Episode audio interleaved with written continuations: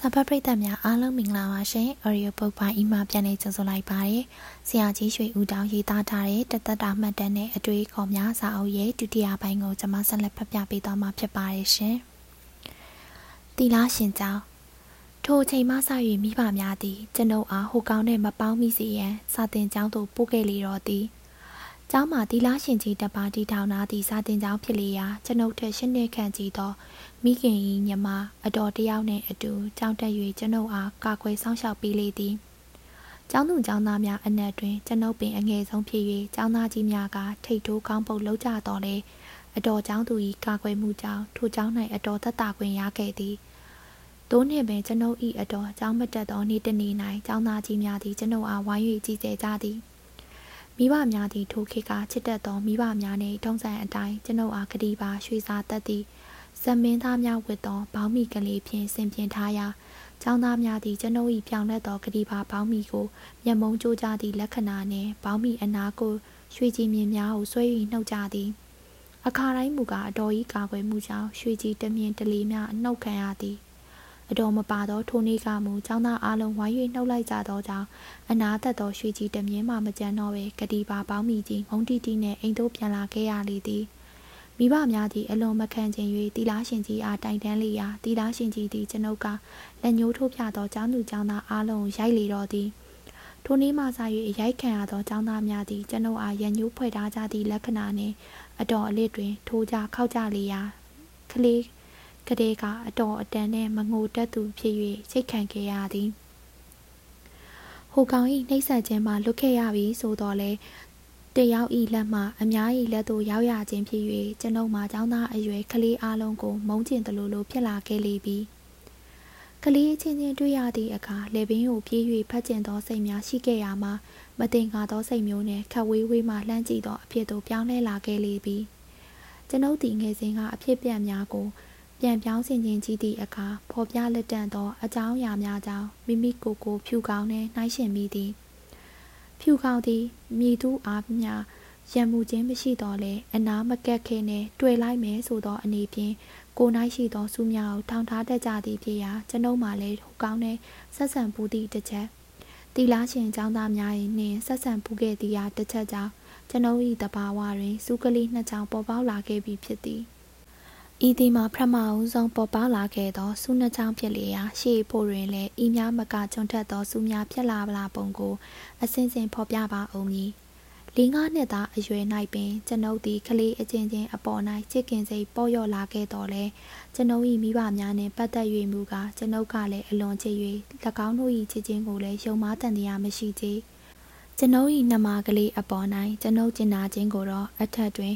အမွမ်းများဖော်ပြခဲ့ရာ၎င်းနှင့်ပတ်သက်၍ကျွန်ုပ်၏စိတ်၌ထိခိုက်ခဲ့ဘူးပုံကိုဖော်ပြရပေအောင်မည်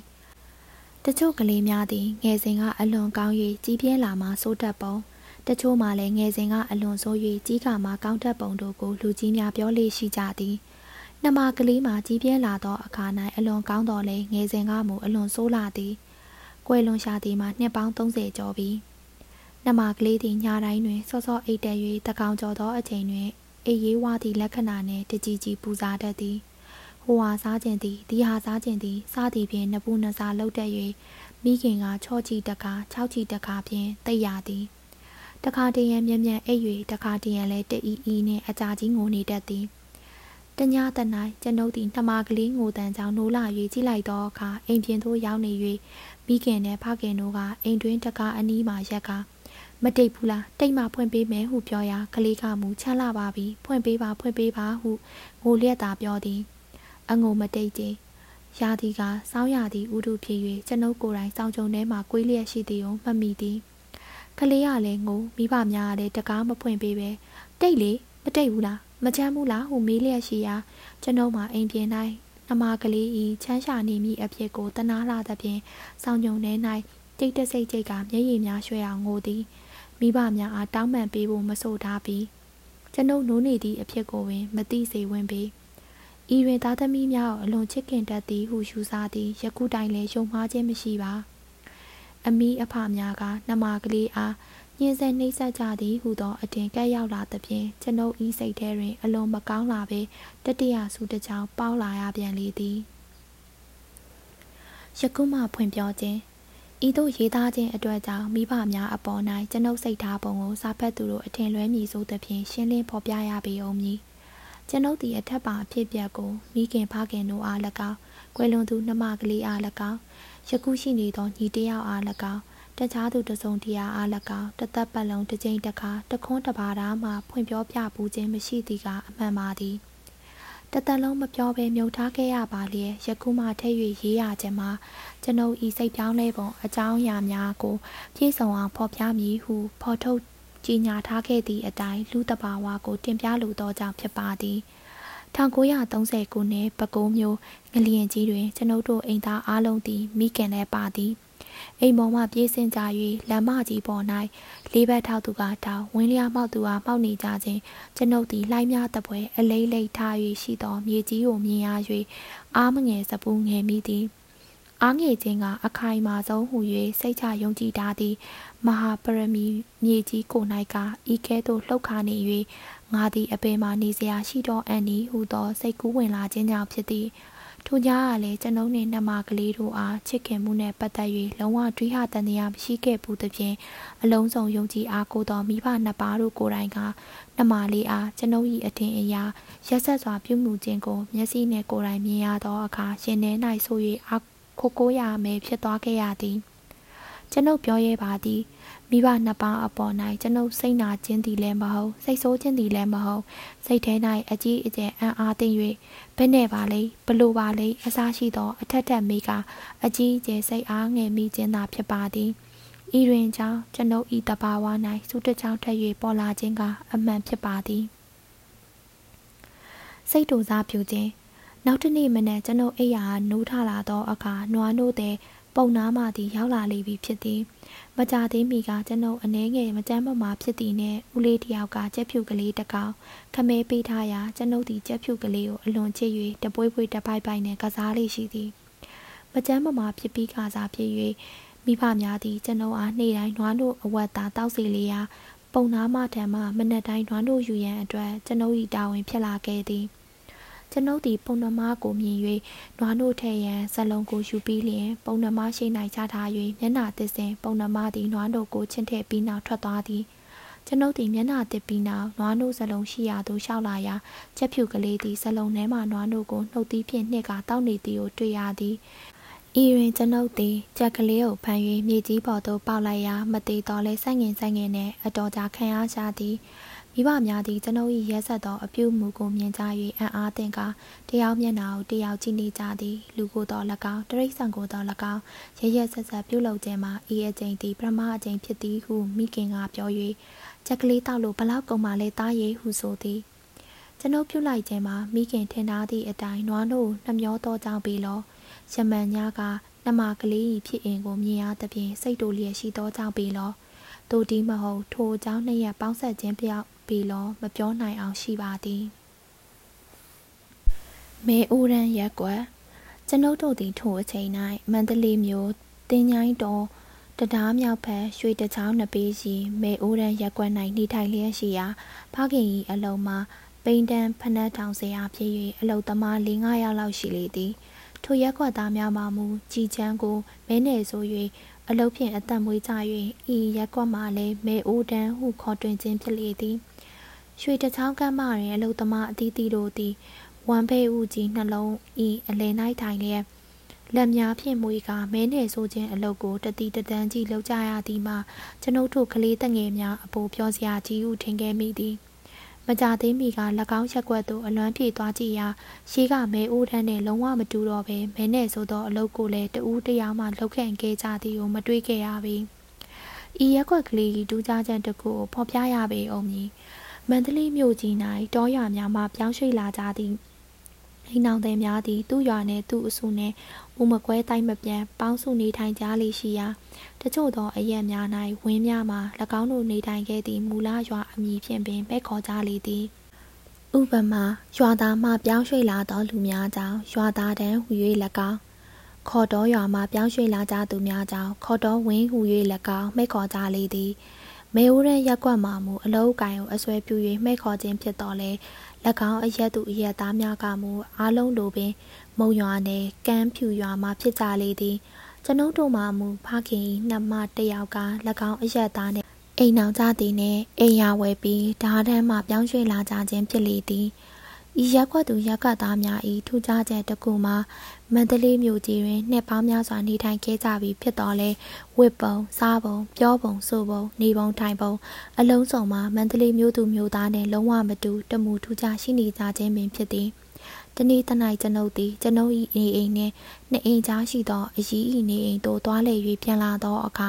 မိခင်ကငါသာဘာများကြွေးလိုက်တလဲဟိဟုမေးရာကျွန်ုပ်က ဘိုးတို့ပတ်သက်ဟင်းစားခဲ့ရတဲ့အမေဟုပြန်ပြောသဖြင့်မိခင်မှာဟဟပပရီမောလေသည်၎င်းတို့အရ၌အမဲဝမ်းတွင်သားကိုဘိုးတို့ပတ်သက်ဟုခေါ်ကြသည်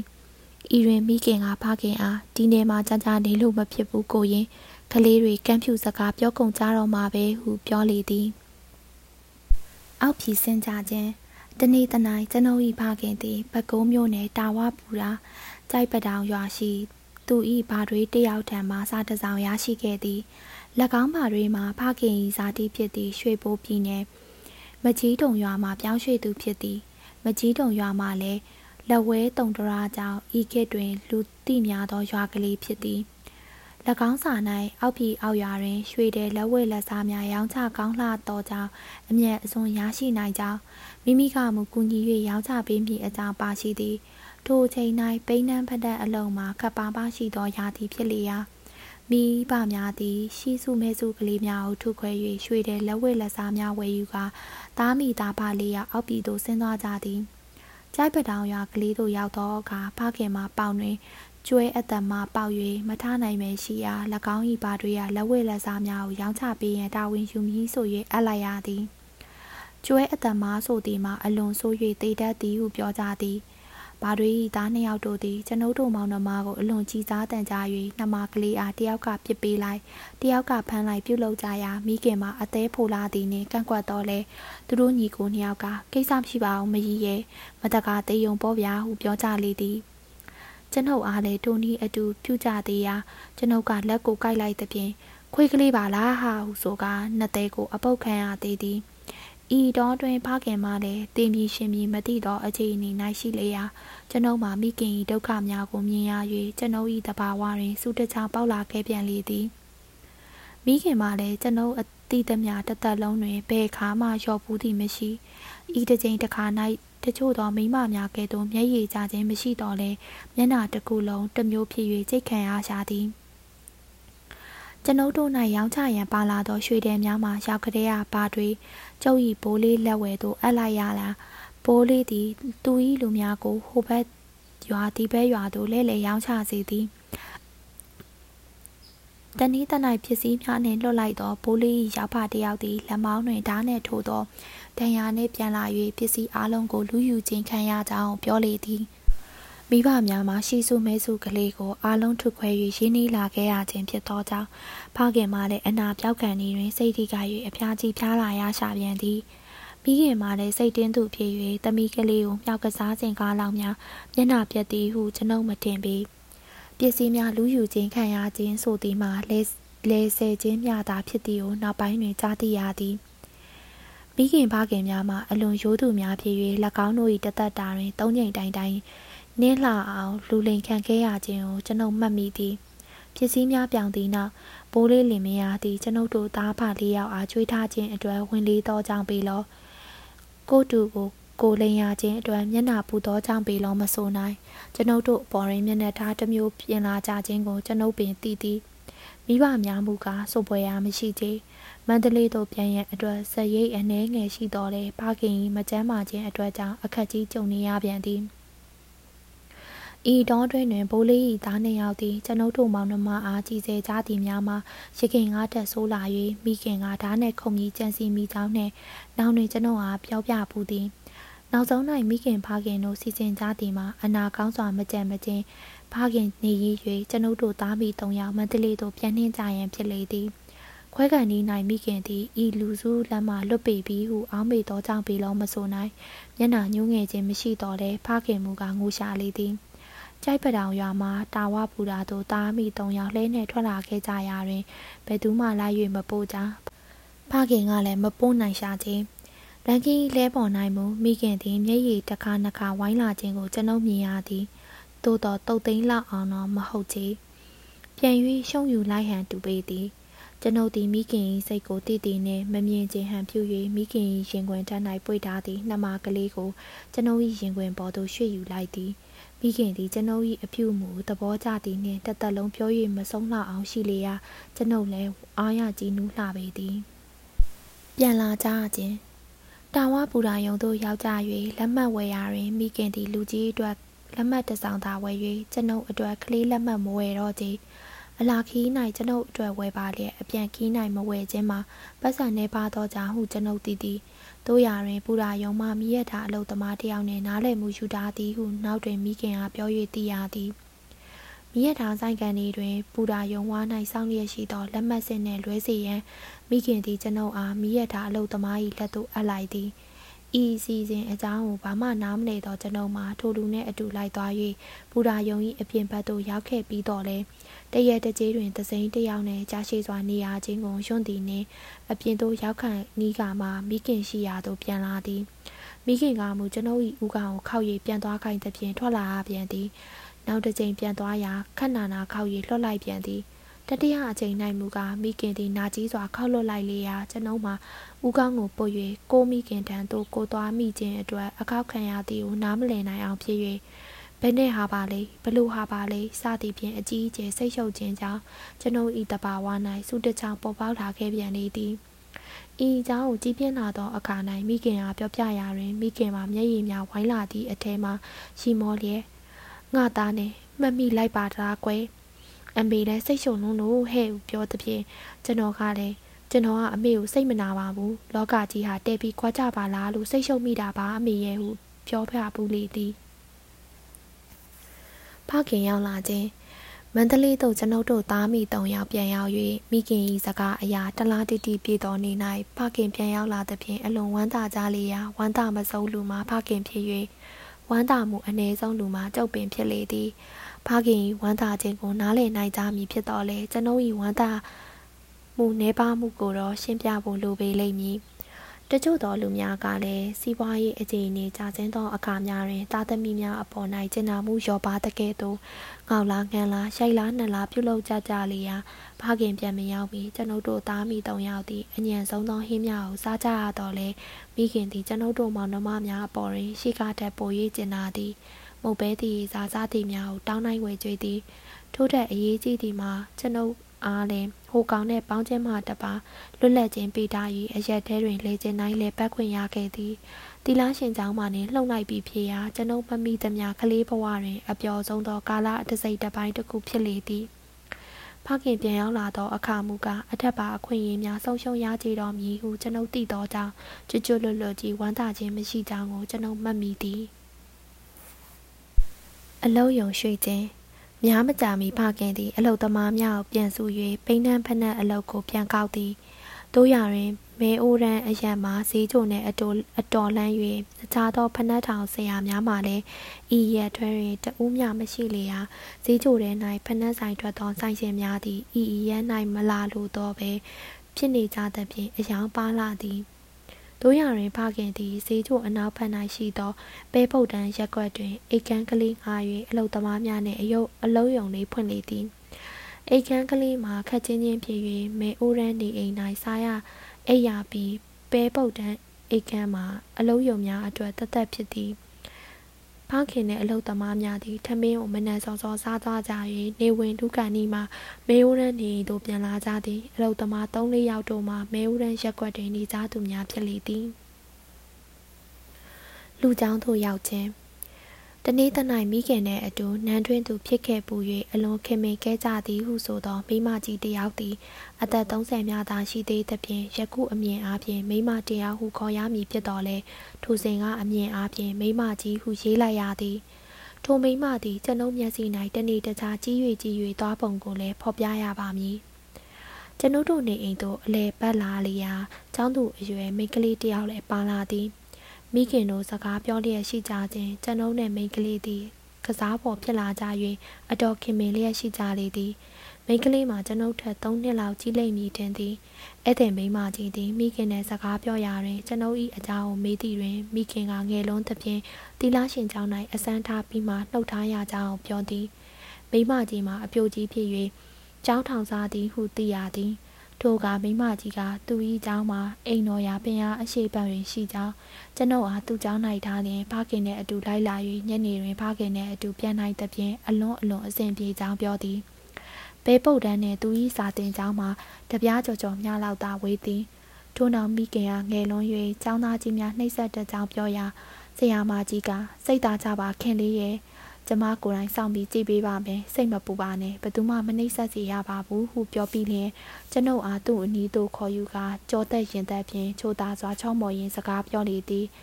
ကျွန်ုပ်သည်ဆရာမ၏ကျင်နာပုံအပြုအမူကိုသဘောကျသည်အားတကြောင်၎င်းနှင့်အတူပါလာသောမိန်းကလေးအားလည်းချက်ချင်းပင်ခင်မင်လျက်ရှိသည်ကတကြောင်ကြောင်ကြောင်မိခင်ကမေးသောအခါကြောင်းနေပါမည်ဟုအပြေးပေးလိုက်လေသည်နှစ်သက်လာသောပစ္စည်း၎ င်း၏ညနေဖခင်ပြန်လာ၍မိခင်အားပြောပြသောအခါပညာကိုအလွန်လိုလားသောကျွန်ုပ်၏ဖခင်မှာဝမ်းမြောက်ဝမ်းသာဖြစ်၍ကျွန်ုပ်အဖို့အဝတ်စားသစ်များချုပ်ချပြီးလျှင်တက်ရက်အောင်ဆင်ပြေ၍ကျောင်းသို့အပ်ကြလေသည်မဲအိုးရန်နှင့်အိမ်တော်ရာဖျားမှာငါနှစ်သားကြော်ကြော်များသာရှိသေးသောကျွန်ုပ်အဖို့ရာ၌နေ့စဉ်အသွားအပြန်ခရီးဖြစ်သောကြောင့်တော်တော်ညောင်းမေရအပြန်ခီးတွင်တခါတရံဖခင်ကတလေအလုသမားများကတက်လေပကုံးမော်တွင်ထမ်းတက်ကြလေသည် နနက်တွင်ထမင်းအစောကြီးစား၍ဖခင်တို့နှင့်အတူလိုက်ရသဖြင့်နေကင်းတွင်အလွန်စာလောင်လာသည်ဖြစ်ရာမိဘများသည်ယွန်းယွန်းတဲ့အုပ်ကလေးတွင်ထမင်းဟင်းများထည့်၍ဆိုင်းကလေးဖြင့်ဆွဲယူသွားဖို့စီမံပေးကြသည့်ကြောင့်ကျွန်ုပ်စိတ်ထဲဝမ်းသာလိုက်ပုံကျေးဇူးတင်လိုက်ပုံမှာယနေ့တိုင်မှတ်မိပါသေးသည် ထိုခင်း၌တန်ဆင့်များမတုံးကြသေးပဲရွန်းတဲ့အုပ်ကြီးများဖြင့်ဖျားသွားကြောင်းတက်ခေါင်းရွက်သွားကြလေရာကျွန်ုပ်အဖို့အုပ်အငယ်စားကလေးဝယ်ပေးခြင်းအတွက်ဝမ်းသာလာ၍အိယာထဲမှပင်တကာတကာထား၍ကြီးမိပါသေးသည်မိဘများကလည်းကျွန်ုပ်နှစ်သက်ခြင်းကိုမြင်ကြ၍သဘောကျကြရှာသည်ကျွန်ုပ်အဖို့ဝယ်ပေးထားသောပစ္စည်းများအနက်ထိုရွန်းတဲ့အုပ်ကလေးတက်ကျွန်ုပ်အားပျော်မြူးစေသောတခြားအရာမမှတ်မိပါ ပထမ၌မိခင်၏မိတ်ဆွေဆရာမကြီးသည်လက်ထောက်ဆရာမကလေးနှစ်ယောက်လည်းရှိသည်မိခင်အားပေးထားသည့်အတိုင်းကျွန်ုပ်အားအထူးတလေကျူးစိုက်ကြပေသည်ကျွန်ုပ်၏ရွန်းတဲ့အုပ်ကလေးကိုဖွင့်ကြည့်၍ဟင်းများညံ့လျင်ဟင်းကောင်းကလေးတစ်လုံးတစ်လေးများထည့်ပေးသဖြင့်အစားကောင်းကိုခင်မင်တတ်သောကျွန်ုပ်အပေါ်ဝမ်းသာလုံးစုမတက်ပြောလာ၍ကျေးဇူးလဲတင်မိသည်အိမ်တို့အလဲလာစဉ်ကပါလာသောចောင်းသူကလေးနဲ့လည်းပြန်ဆက်မိသဖြင့်ကြည်နူးလာသည် တို့ရရင်ကျွန်ုပ်မှာတကြောင်လုံးတွင်အငယ်ဆုံးဖြစ်၍အဝေးဆုံးသောအရက်မှလာရသောចောင်းသားကလေးလည်းဖြစ်သည်ရွယ်သူတယောက်နှစ်ယောက်ရှိတော်လဲကျောင်းပတ်ဝန်းကျင်၌နေကြသူများဖြစ်သောကြောင့်နေကင်းခဏကျောင်းစင်းချိန်တွင်သူတို့၏အိမ်သို့ပြန်၍စားတောက်ကြရာကျွန်ုပ်တယောက်တည်းရွံအုပ်ကလေးကိုဖွင့်၍စားသူရှိသောကြောင့်တနည်းအားဖြင့်စိတ်ဝင်စားဖွယ်ကောင်းသောကျောင်းသားကလေးတယောက်ဟူ၍သဘောထားလောက်ကြသည်ထင်ပါသည်တို့ရတွင်ထို့သောကမဟုတ်ချေ၎ င်းစာတင်ကြောင်းနှင့်ပတ်သက်၍ကျွန်ုပ်မကြည်နပ်သောအကြောင်းအရာများကိုမဖော်ပြမီကြည်နပ်သောအချက်အလက်များကိုဖော်ပြပါဦးမည်တီလာရှင်ကျောင်း၌နေခဲ့ခြင်းကကျွန်ုပ်အားဟိုကောင်၏နှိပ်စက်ခြင်းမှာလွတ်စင်ရန်ဟူသောရည်ရွယ်ချက်ဖြင့်မိဘများအထားခြင်းဖြစ်ရာစာတင်ရန်ငယ်လုံးသောအတွက်ကြောင့်ကျောင်းတွင်ခွေးဝင်စားအဖြစ်နှင့်ကျွန်ုပ်၏အတော်အနီးတွင်ထိုင်နေရခြင်းမျှသာများသည်တခြားသောကျောင်းသားများစာရေးနေကြအချိန်တွင်ကျွန်ုပ်မှာတစ်သားတွင် အိုးမဲတုတ်ထားသည့်တင်ပုံးပေါ်၌ကန်းကူဆန်ဖြင့်ဝါလုံးများရေးရခြင်းကိုသာမှတ်မိသည်ဝါလုံးမှတဆင့်တက်ရသောအခါနားငယ်ကိုရေးရသည်နားငယ်များရေးနေသောအခါတွင်ခေါင်းကြီးကြီးမဖြစ်စေရဟုသီလားရှင်ကြီးကပြောခြင်းကိုကျွန်ုပ်မှတ်မိသည်စာရန်သောအခါတွင် နမောဗုဒ္ဓမှမတက်ခဲ့ရကြကာကြီးခါခွေစသောအခရာများကို မတင်ရသေးမီ နမောဗုဒ္ဓကိုရှေးဥစွာသင်ပေးခြင်းရည်ရွယ်ချက်ကိုကျွန်ုပ်အခုတိုင်နားမလည်သေးပေစိတ်ဝင်စားသောအချက်တီလာရှင်ကျောင်းမှလူကျောင်းသို့ရောက်လာသောအခါ၌မူကားကာကြီးခါခွေလက်ခရာများကိုတင်ရ၍ကာကြီးရေကားသို့ရောက်သောအခါကျွန်ုပ်၏စိတ်၌ဖြစ်ပေါ်လာသောအချင်းရာတကူမှတ်မိသေးသည်ကျွန်ုပ်ကဲ့သို့ကာကြီးရေကားခါခွေရေခစသည်ဖြင့်အန်ကြားရသောအခါကလေးများတတန်းမျက်နှာချင်းဆိုင်အတန်း၌ ကာကြီးရေကာသက်ကက်ခါခွေရေကာသက်ခက်စသည်ဖြင့်အန်ကြားရသူများလည်းရှိကြသည်ကျောင်းသူကျောင်းသားများအားလုံးသည်ထိုခေတ်စာသင်ကျောင်းများ၏ထုံးစံအတိုင်းအော်၍အန်ကြရာတချို့ကလည်းအတန်ကုန်၍ဟစ်ကြအန်ကြသည်ဤသည်မှအကျင့်ပါ၍သင်္ကန်းဝတ်ပြီးစာအန်သောအခါ၌ဟာနန်နန်ဟာနန်နန်ဟု၍အန်ကြခြင်းဖြစ်ဟန်တူသည် စာအင်ချိန်တွင်ဆရာမကြီးသည် အနီး၌မရှိဘဲခက်လန်းလန်း၌အမှုကိစ္စများဆောင်ရွက်လျက်ရှိရာစာအင်တန်အနှဲငယ်လျော့သွားသောအခါတွင်ကျမ်းပြင်ကိုချိန်လုံးဖြင့်ဖြန့်ကနေဖြန့်ကနေတစ်ချက်နှစ်ချက်ရိုက်လိုက်သည်တွင်မှကာကြီးရေကခါခွေရေခကာကြီးရပ်ပင်ချခါခွေရပ်ပင်ချကာကြီးရေကတ်တက်ကတ်ကာကြီးရေငတ်တက်ကင်းစသည်ဖြင့်သူစာနှင့်သူတမျိုးစီကုန်း၍တန်ကုန်းဟစ်ကြလျာ တိတ်ဆိတ်ခြင်းကိုနှစ်သက်သူဖြစ်ခဲ့လျင်မြမစာတင်ကြောင့်အနီး၌နေခဲ့ရပါကနှလုံးသေးကြည်ပြတ်သွားပွေဟာရှိပေသည်ထိုကဲ့သို့ကုန်းအော်ကြပြီးနောက်တဖြည်းဖြည်းအတန်လျော့သွား၍တချို့ကစကားတီတိုပြောခြင်းတချို့ကအိတ်ထဲ၌ပါလာသောပဲလောထညက်ကျန်တကစသောတီးရီစားကလေးများကိုထုတ်၍စားခြင်းမြုံခြင်းတောင်းစားခြင်းလဲလှယ်စားခြင်းစသည်များပြုလုပ်ကြလေသည် ဆရာမကြီးသည်အလုံးလုံးနေရာမှလှမ်းကြည့်၍အပြစ်ကျူးလွန်သူများမှတ်သားလာခဲ့သည့်လက္ခဏာနှင့်ဟိုတယောက်ဒီတယောက်ကြိမ်လုံးဖြင့်ကော့နေအောင်ရိုက်လေတော့သည်သူ၏အမှန်အသားသည်အများအပြားမှန်ကန်တော်လဲတခါတရံတွင်မူကားအပြစ်ကျူးလွန်သူနှင့်ကက်လျက်ထိုင်မိသောចောင်းသူចောင်းသားများသည်လည်းအပြစ်မဲ့အရိုက်ခံရခြင်းကိုမြင်ရပူသည်